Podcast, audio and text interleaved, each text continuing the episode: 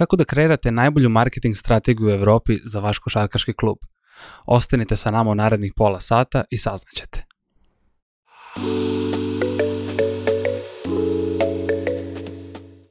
Dobrodošli u novu epizodu Netokracijenog Office Talks podcasta. Sa nama je danas u gostima Janko Stanković, uh, marketing menadžer košarkaškog kluba Crvena zvezda.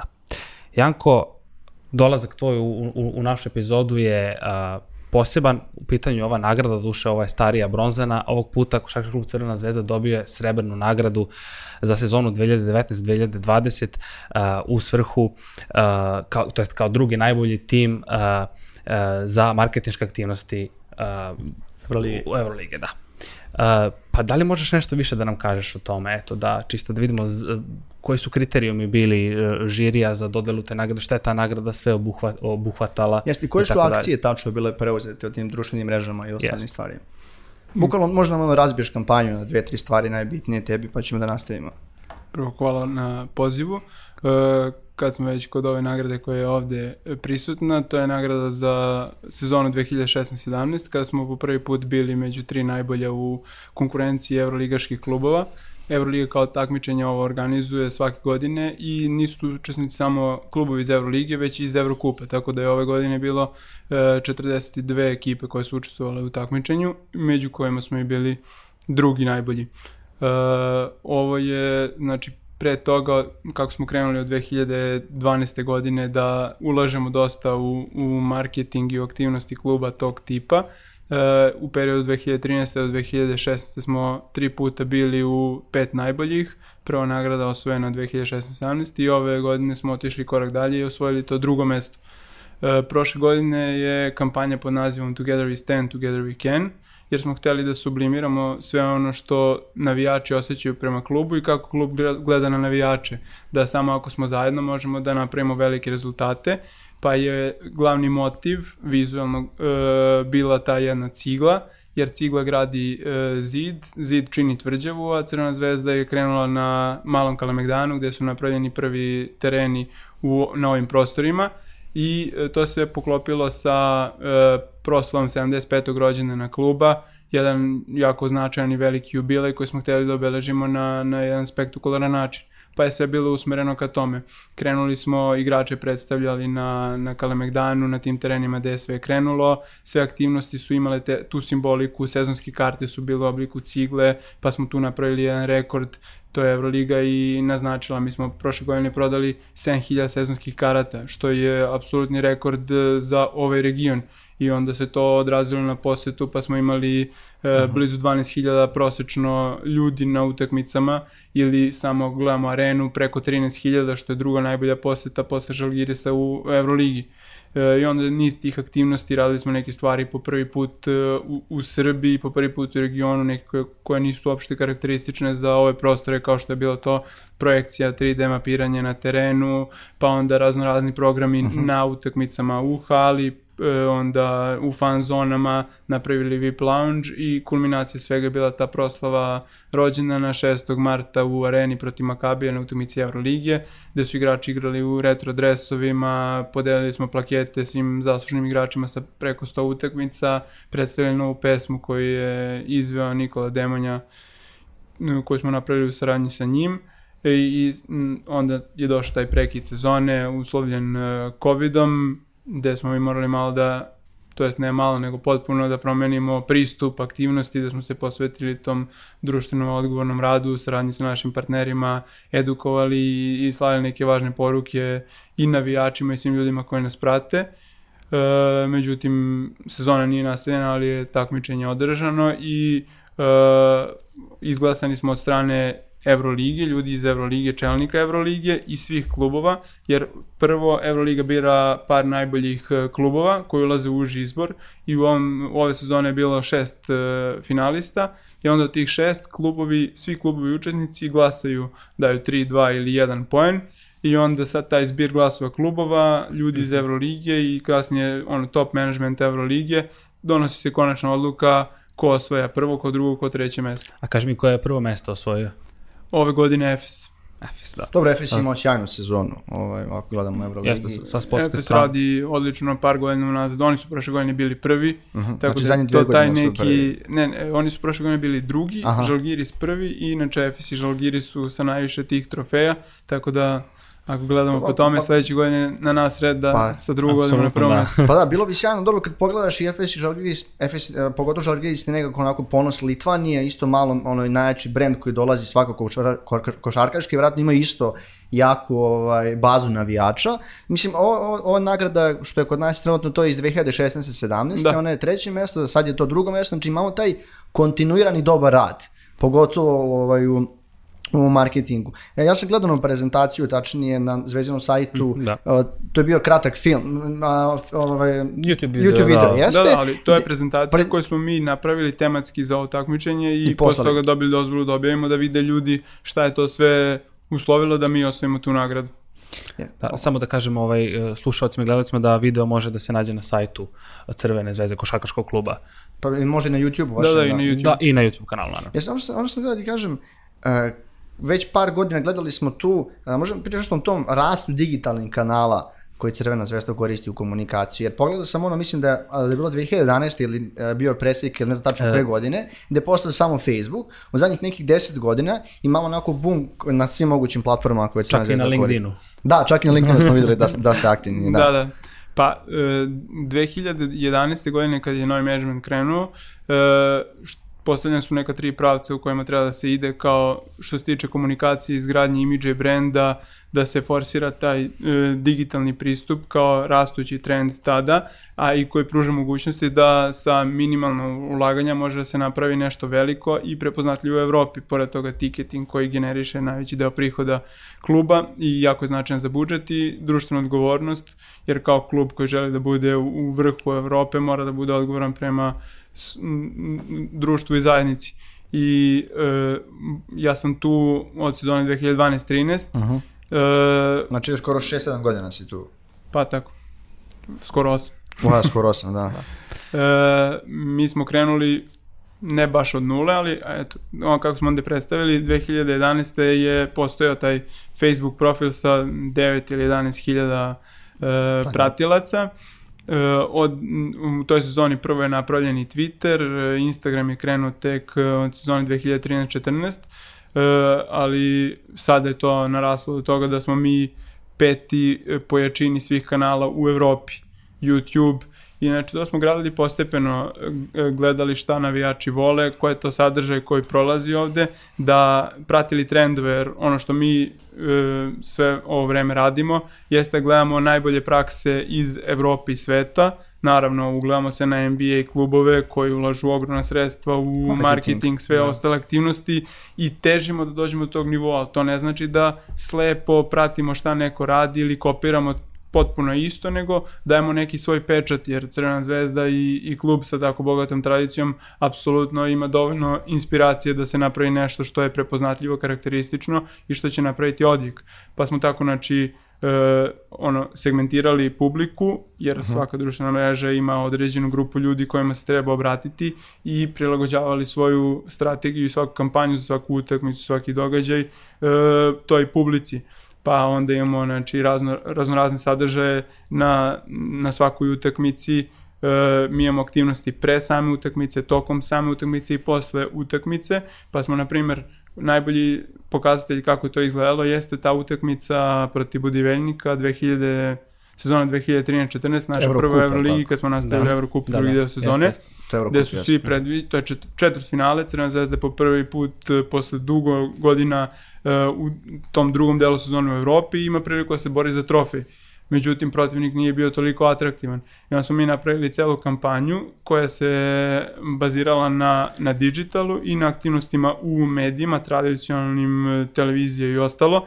Međutim, stavili fokus na, na digital i igrači su pozivali, pravili posebne najave, ceo program bio Da, specijalno to- to je osmišljen. bitno, to i sam- onda smo na utakmici imali 24.232 navijača, što je dalje aktualan rekord za posetu U u, zatvorenom u, u Evropi. Da, to sećam se toga. To sam bio, ali tad, jel tada to je ono utakmica kad je ono, Jenkins, Jenkins poludeo? igrao, da, da, igrao je, da, da, da. To je bila dobra. Jenkins 29 poena. I onda smo i Baš. posle te utakmice pravili, e, jer smo oformili u toj sezoni kreativni tim, Mhm. snimali sadržaje, imali naš, jer do tad je bio ok, pokrenut YouTube kanal i uzimaš poteze sa TV-a Mhm. i to reprodukuješ na svojim kanalima. Od e, te sezone smo krenuli da pravimo sobstvene sadržaje, neki kadrove koji nisu vidljivi na TV-u, behind the scene, e, onda tu smo ušli prvi put u slačionicu, pratili izlak igrača iz tunela do, do terena, imali neke reakcije na klupi, sve ono što neko ko je u hali ne obraća pažnju ili neko ko na TV-u nema uopšte prilike da vidi. I to je napravilo e, pravi boom. E, Da. svi su pričali o tome, to se ljudima svidilo, pa onda nastavljamo kasnije, pravimo najavu za utakmicu protiv Unixa, prošli smo Budiveljnik, e, pravimo drugačije jer je tad se obeležavalo 40 godina od osvajanja tog evropskog trofeja 1974. I onda smo okupili te legende, napravili sa njima pozive, onda uključili poznate zvezdaše, bivši igrači iz drugih klubova e, i to je znači nama pokazalo da mi sa malo ulaganja u odnosu na ostale klubove i ostale ljude u Evropi možemo da napravimo nešto veliko, nešto atraktivno. Znači to se prenalo svuda u Srbiji, ona reportaža o 24.232 navijača i u Evropi i to je nama dalo neki pravac kojim treba da idemo i kako to, to da radimo. I onda smo kasnije samo to nadograđivali, Pa pravili neke animacije, vide, segmentirali postove. Kao što si rekao, ti uz pomoć YouTube-a možeš da praviš taj sadržaj koji je drugačiji od televizije, koji je više onako prilagođen uh, samom pla- YouTube kao platformi. To je sadržaj koji već ima od 5 do 10 minuta ili kako god i koji mnogo ljudi lakše i bolje prihvataju. Ono što je po meni snaga zvezde oko cijelog marketinga Crvene zvezde koju ste vi sad onako tako sjajno uklopili u te digitalne kanale, to, je, to jeste uh, ta zajednica uh, ljudi, na- zvez, kažem, zajednica zvezdaša, jer mi, mi imamo ogromno ono, bivše, bivše igrače, sadašnje igrače i ono, poznate ličnosti koje navijaju za zvezdu i veliku, veliku armiju navijača.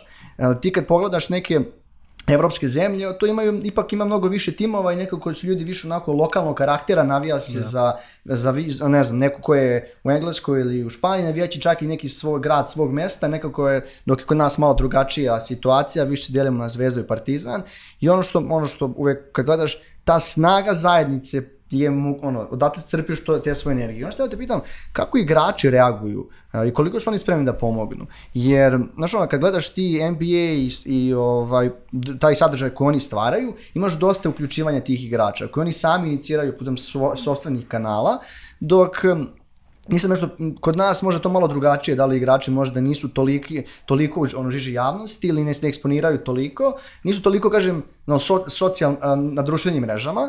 Kako, kako, znaš, kakva je situacija u klubu? Su, su ti ovi igrači spremni da ono, izađu u susret, prave sa- sadržaj sa vama ili ono moraš da ih cimaš, je dođi ili ostalo kako Tu bi samo dodao onaj super primer sa Billy Baronom koji je rađen Billy Jim eh, za Euroligu tokom ovog karantina koji je izazvan eh, epidemijom covida, tako da, eto da, mislim svakako ok pitanje. Da, da, pa u suštini e, igrači su oni koji nose brand, oni su najprepoznat, najprepoznatljivija lica za tu te šire mase i širu publiku, klinci ugledaju na njih, e, prate ih i, i žele da vide ono što oni rade, a onda taj igrač budu zvezdi godinu, dve, pet, ode dalje i onda oni dalje priča pozitivno, na primer Jenkins, Nelson, igrači koji su ti godina bili tu i, i dan danas su oni koji šire pozitivnu sliku o, o brendu, o imidžu zvezde, gde drugi igrači koji treba da dođu, uh, njihovi sugrađani pitaju njih za iskustvo i ostalo. Znači, to, to je jako važno što se tiče ovog dela digital. To zavisi od uh, osobe do osobe kao i generalno za javni nastup, neko je rođen za to, neko je potrebno baš dosta da uči, neko se malo teže uklapa, ali praksa se promenila. E, tih godina kad je bilo manje stranaca, stranci su bili apsolutno spremni na sve te aktivnosti, sve te stvari koje se rade, jer dolaze iz takve sredine okruženja da je to normalno, da su navignuti na to od, od, od srednje škole, Jasno, bukvalno. jasno. Kod nas to nije slučaj, pa smo mi pravili posebne neke knjige pravila gde imamo dobre prakse, loše prakse, šta treba raditi. Nije to samo priprema u smislu šta treba objaviti, šta ne treba raditi, nego i davanje izjava, kako se ophoditi prema medijima, gde treba gledati, kako reakcija na neko nezgodno pitanje. Sve ono, znači mi permanentno radimo sa njima i pripremamo ih na to. uglavnom su svi oni raspoloženi da, da budu dodatno vidljivi i kod nas na kanalima, sve što je potrebno. Znači mi pravimo te neke mesečne planove svih aktivnosti, tu su neke društveno odgovorne akcije, neke akcije sa sponzorima gde oni dobiju e, blagovremeno obaveštenje šta treba da spreme, kako idu tamo, kako se oblače, o čemu treba da razgovaraju, da bi se malo pripremili. Taj medijski trening su prošli, da kažemo. I onda su oni raspoloženi da sve te materijale, sadržaje koji se odrade, e, objave i kod njih. E, a što se tiče ove sezone, konkretno imali smo i e, ekipu iz Evrolige i AMG-a koja je dolazila u Beograd i u svaki drugi grad, gde ima ekipa i radila sa njima baš na tome. Pokazivala im pozitivne prakse, šta, ono, šta je ono što rade m, sportisti u drugim klubovima, u drugim ligama, zemljama i kako oni to treba da implementiraju, jer karijera sportiste traje nekih deseta godina, oni treba i posle toga da rade nešto i, sam, i super je ako imaju taj ugled i uticaj koji treba da stvore u tom periodu dok igraju. to- to- Međutim, ono što je samo Mhm. da dodam, o, mi smo promenili to da, ok, oni dođu kao formirani igrači sa 20 godina, 25, Jasno. nebitno u klub i onda je jako teško menjati navike. Mi smo počeli od e, pre dve godine da razgovaramo sa našim kadetima, pionirima i juniorima, da mi njima usadimo te neke navike i pokažemo kako treba da rade i kako treba da uopšte u kom pravcu da razmišljaju i onda imamo tako jednom kvartalno e, sastanke sa njima gde analiziramo ono što su oni radili na polju promocije i, i tih društvenih mreža i kanala šta je ono što treba da poprave i neke dobre prakse dovedemo nekog iz medija ili nekog od igrača da podeli sa njima ta iskustva. Da, to je, moram- onako, to je jako dobro razmišljanje, jer kako pogledaš, uh, ja danas su te društvene mreže dosta bitne, pogotovo kod igrača, jer to ti on određuje tvoju dalju saradnju pre nekim tvom nekim privatnim možda ovim uh, par, nekim, sad tvoj privatni saradnji s nekim brendom ili jednostavno ako pogledaš o, o Sjedinjavačkim državama u Evropi i on njih ono ljudi koji su od srednje škole imaju ogromnu bazu ljudi koji ih prate, oni imaju milionske uh, brojke na društvenim mrežama i ono sponzore koji su tu od malih nogu. I mislim da je to pamet, dosta pametno razmišljanje jer, jer danas moraš da gradiš i dva i taj drugi brend sa strane, to je taj tvoj da kažem društveni brend koji opet jedne kako si sportista, to opet da kažem uzemno i komercijalni brend. Ono što te pitam što si pokrenuo ta priču o toj saradnji s Euroligom. Tačnije koliko um, da, na, a, pomenuo si da su oni dolazili ove godine da su držali te treninge za igrače. Kako to inače izgleda saradnja sa Euroligom u smislu marketing saradnje? Koliko tu ima ono, dnevnih komunikacija, poruka, koliko što uopšte Euroliga ono, da li oni šalju neke savete, da li, znaš, ono, možemo pričati o ovim spotovima koje Euroliga takođe objavljuje svake godine. Pa, Euroliga je najozbiljnija košarkaška organizacija u Evropi i iz godine u godinu se vidi taj progres i napredak e, u, na svakom, u svakom aspektu njihovog Oni su poslovanja. Španci, marketing agencije iz Španije ili Ne, negde? ne, Euroliga je organizacija koja se nalazi u Barceloni, Aha. ali rade ljudi iz cele Evrope. Aha, okej, okej. Imaju i savjetnike koji su Sjedinjenih država i isto iz Evrope, tako da je to jedna ozbiljna organizacija koja želi da napravi od e, košarke približno samodrži model kao što je, na primjer, futbal. I m, pošto mi igramo Euroligu već 8 godina, jasno se vidi pomak svake godine. Što se tiče ovog našeg dela marketičke aktivnosti, postoji pravilnik Euroligije, by laws, u kome je jasno definisano sve što se tiče marketinških, marketinških pravila i obaveza koje klub mora da ispoštuje, da krenemo od toga, pa tu su godišnji sastanci u ovom periodu koji se održavaju u Barceloni, gde se okupe svi klubovi iz Evroligije, gde mogu da učestvuju u konverzacijama, gde se on predstavlja se plan za narednu sezonu, sve ono što je realizovano, koje su pogodnosti, koji su potencijalno neki e, globalni partneri sa kojima Euroliga sarađuje, sa kojima mogu i klubovi da se spoje, tako da komunikacija sa ljudima iz Evrolige je m, bukvalno na svakodnevnom nivou od nekih sitnica m, oko prijave utakmice, sponzora koji će biti promovisan na toj utakmici, do njihovih kampanja gde oni uključuju klubove, igrače, jer isto kao i, i mi kada napravimo poziv za utakmicu, to će vidjeti neka grupa ljudi koja prati nas. Ako to isto podeli još 10 igrača, pokrili smo mnogo veću grupu ljudi do koje će doći poruka koju želimo da plasiramo. Isto oni tu imaju mogućnosti i koriste je da klubovi učestvuju i igrači dodatno, pa ove godine su imali onu uh, kampanju Hero League, uh -huh. gde je svaki klub imao po jednog predstavnika i gde su oni imali niz aktivnosti usmerene ka tome da promovišu uh, neke svoje poruke koje su u sklopu kampanje za prethodnu sezonu. Janko, ako se ne varam, ti si nešto više od pet godina u Zvezdi, ali tako počeo si kao tako, interno? Prva sezona 2012-13. Jeste. E sad, teo sam te pitam, e, znam da si, da, da si ti došao na, da si imao dosta ideja za, za ovu marketinšku kampanju za koju ste dobili nagradu, e, kažem, velika je stvar biti drugi u Evropi, osvojiti to srebro, pa eto, zanimalo me samo otprilike da mi kažeš e, sa kojim si se izazovima tu suočavao i kako si inspiraciju dobijao za, za, za te ideje koje su ti prosto dolazile. Pa tako, ja sam tu, znači ovo je o, osma godina i pre, pre svega to je tim ljudi koji danonoćno razmišlja o, o svom poslu, to jest koliko jeste posao i ozbiljno se radi. Timu? U, ove godine smo u, u samom marketingu kolega Marko Pavlović i ja, za organizaciju događaja zadužen kolega Vuk, dizajner Milan Đurov, Znači, to, to su ljudi u klubu. Do pre dve godine danas direktor kluba bio na čelu marketinga mhm. -huh. i on je predvodio taj tim te godine, u ti godine je osvojena ova nagrada, sada je on napredovao do pozicije mhm. -huh. generalnog direktora, sada mi nastavljamo to.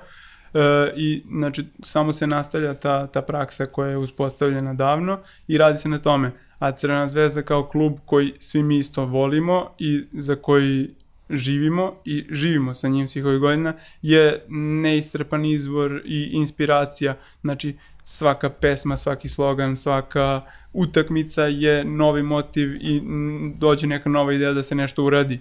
E, postoji mnogo ideja, međutim realizovati sve njih da. nije tako jednostavno, pogotovo sa ograničenim sredstvima i budžetom ili e, u, u sportu je mnogo, lako raditi kada su dobri rezultati, međutim kada rezultati nisu idealni onda morate posebno da pazite jer koliko god bila dobra kampanja priča se opet o tome e, zašto ovaj nije uradio ovo na terenu ili ono. Isto tako i kod igrača, ne možete da ga koristite ukoliko je on u malo lošoj formi da. ili je prethodna udagmica nije bila idealna, tako da postoji dosta tih nekih otežavajućih faktora za realizaciju svih e, stvari koje mi zamislimo međutim prošle godine sve poklopilo sa tom e, pričom oko 75. rođendana i, i sve došlo na, na, na neko svoje mesto, pa smo mogli da napravimo većinu tih stvari koje smo zamislili i ono što je važno, gledamo da taj kreativni deo bude na, na vrhuskom nivou, ali da to sve prati neka pozadina, da to, sve što napravimo i sav sadržaj koji napravimo može da se iskoristi u komercijalne svrhe,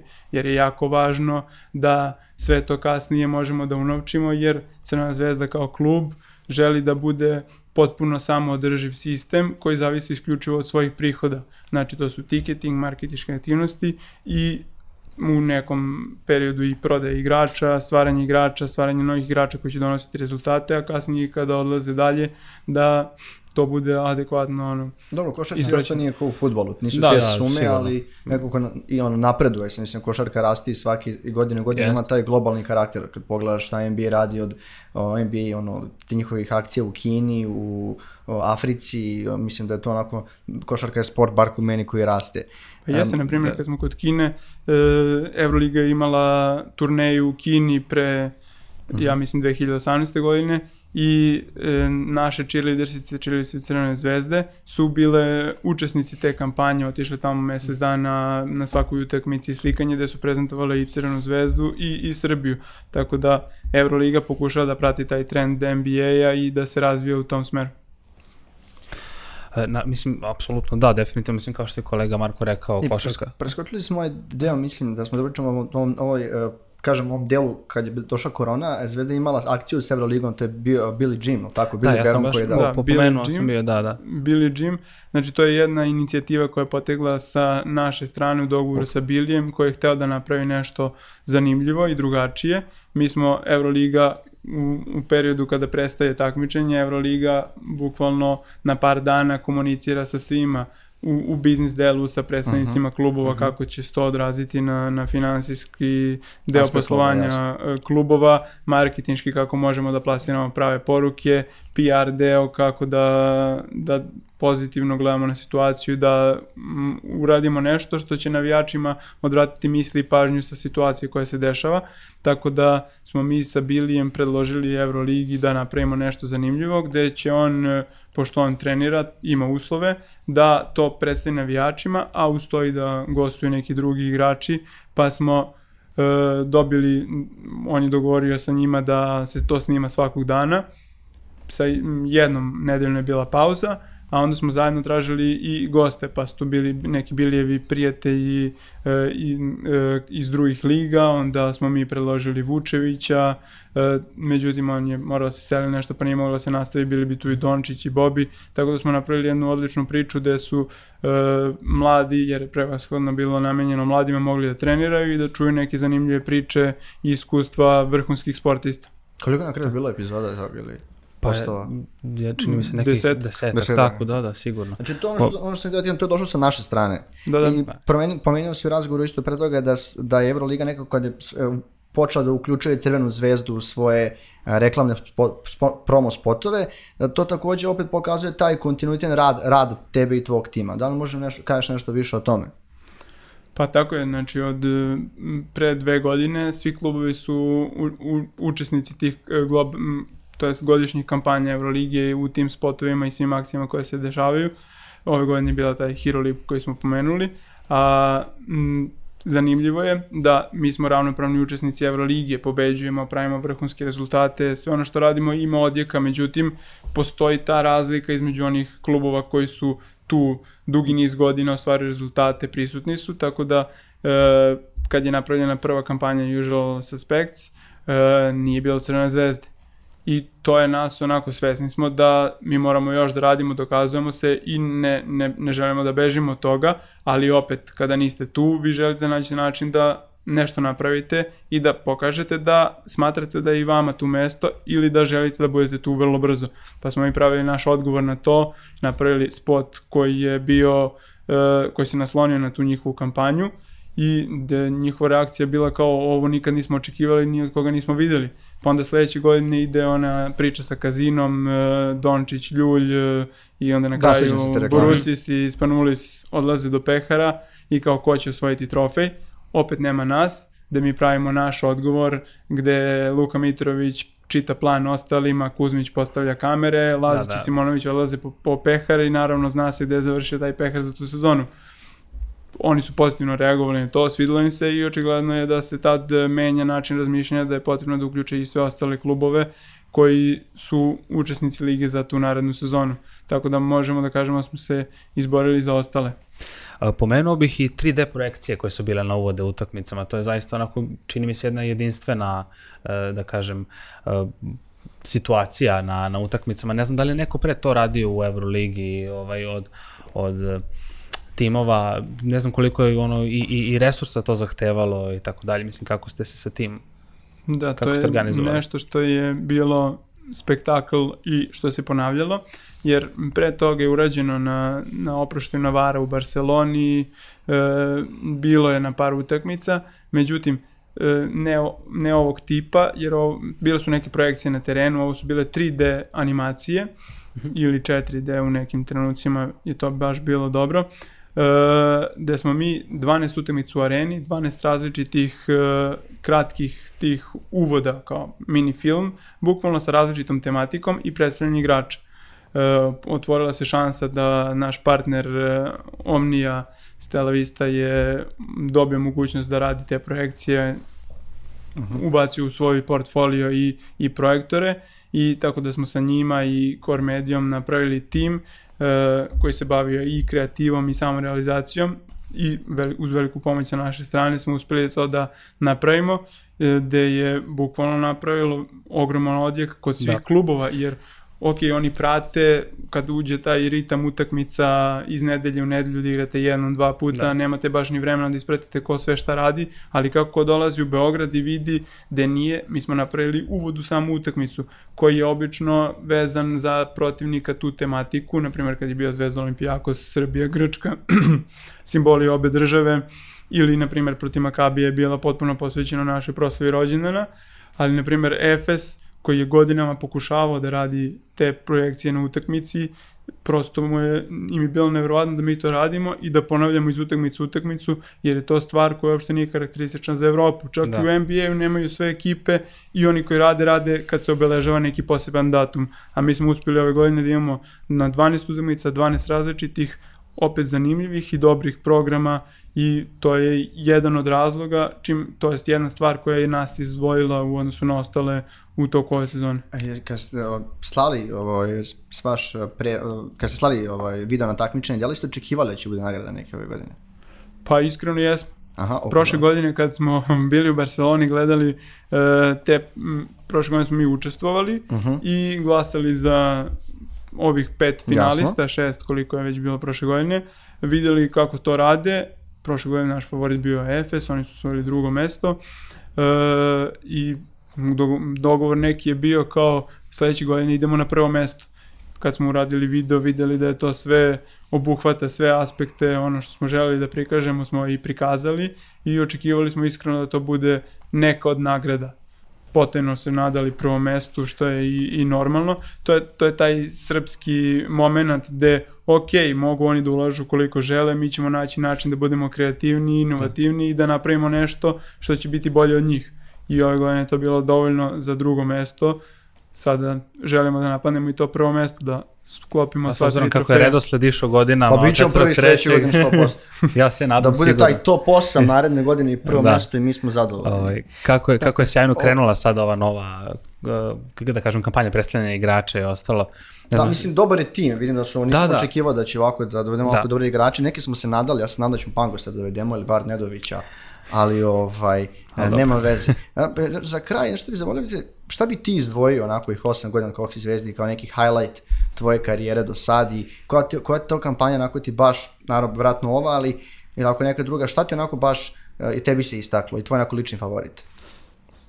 Odgovorit ću na to samo, uh mhm. -huh. znači jako je važno da sve ovo što radimo gradi taj imidž kluba, i onda i, i pokazuje koliko Crvena zvezda ozbiljna organizacija na nivou Evrope, pa zato i ne čudi kad taj igrač bira Crvenu zvezdu i u situaciji koja je jako neizvesna, gde se ne zna kako će sve izgledati u novoj sezoni, da oni odluče da dođu u Beograd. Da, to jeste, I da. sve ovo što radimo, ti, taj, taj pasoš, crveno-bela DNK je samo nastavak neke priče. Imali smo ciglu, bili smo svi jedinstveni i šta je ono što nas povezuje i to je taj DNK crveno-beli i onda to je ta nadogradnja kampanje od prošle godine. Da, moram priznati dosta, dosta dobra fora. Sjajno izgleda, mislim, meni sa da. pasošem super. Ovaj, baš, Tako da baš sad uskoro očekujem da. igrače dolaze i da i fizički dobiju svoj pasoš. Da, da to, to je, ja, da. to je, moram priznati, zaista cool. Jeste, jeste. Evo, A što se tiče da. ove kampanje, svakako ako gledamo na nivou uh -huh. sezone, celokupna kampanja iz prošle sezone Together We Stand, Together We Can, ali i ta prva velika akcija i ta utakmica gde smo i napravili rekord protiv Budiveljnika je nekako ono što ostaje posebno privrženo. Da, i mislim da je rezultat isto bio bitan tu i cela ta atmosfera i pobeda pa naravno, i kao Jenkins u transu. U svemu da, da. što se radi kada nema na kraju rezultata, onda ne možemo pričamo niko neće pričati o dobroj kampanji ukoliko ekipa izgubi i o dobroj akciji ako nije rezultat ispratio to na terenu. Mislim, sjajno mi je to, da kažem, 24.000 ljudi je došlo u, u, u salu e, da, zbog toga što je zaista bila sjajna kampanja i što ste stvarno imali kreativne ideje, ali koliko je to samo na igrače uticalo. Ja se sjećam da, da je Zvezda tu utakmicu dobrim delom gubila i da je trebalo da nadoknadi nekih 6-7 poena minusa yes. i, i prosto... Da, da, 9, ja mislim da 9, čini mi se da je tako nešto bilo, ali eto, da kažem, toliko ljudi, skoro kao futbolska utakmica, mislim, zapravo i jeste, mislim, da. Ja, ja, ovaj, ja se sećam ne, nekih, da kažem, težih vremena pre dolaska ovog menadžmenta, ono, kad smo se jeste, borili da. da ostanemo u ABA ligi i sećam se u te da. utakmice smrtnom protiv, ne znam, svi smo igrali sa Olimpionci, Bonas bio u pioniru, to onako, i dalje bio doživljaj upravo, jer ono kao navijaš za zvezdu od kad si mali. I zato mislim još sviđa taj onaj DNK creda pasoš i to mislim da je dosta dobra fora. To je sjajno i što su prošli uh, vlasnici sezonskih karata mogli da se potpišu na uh, zidinama Kalemegdana, što je bilo... Da, imali smo montažni Ti zid. vlasnik sezonske karte? ili- Nisam, nisam, nisam. Ja, Ja uzimao, sam da. imao ranije, ali Da. sad nikako ne stižem da, ne stižem da, pog... Da, isto. ono, ne stižem da idem na utakmice, većinom i gledam sve, ali ne stižem Ali i da sad ćete gledam. morati zbog pasoša. Pa verovatno ćemo moći. Meni, ono, uh, meni je još jedna sezona, pamtim to kad je ono, protiv Real Madrida u Beogradu, Quincy Miller i Mike Zirbes. Da, to je bila serija od 7-8 dobijenih utakmica. Ne, to je sezona 2015-16 kad smo igrali top 8, Jest. gde smo Da, da. dobili Real Himki Bayern kući. E, pa to, to, to sam i mislio, da. Isto, Janko, želimo ti se zahvalimo što si bio naš gost i što ćemo svakako se družiti u budućnosti i pričati i naredne godine da bude ta ovaj, eh, prva nagrada i da bude ovdje zlatna medalja pa ćemo da opet radimo intervju. A, To ćemo spojiti sve tri. Spojit ćemo, može, Da, da, može, to je bilo da, da, super. može. A vama želim da se zahvalim što ste nas gledali i pratili nas svim našim kanalima. Pozdrav!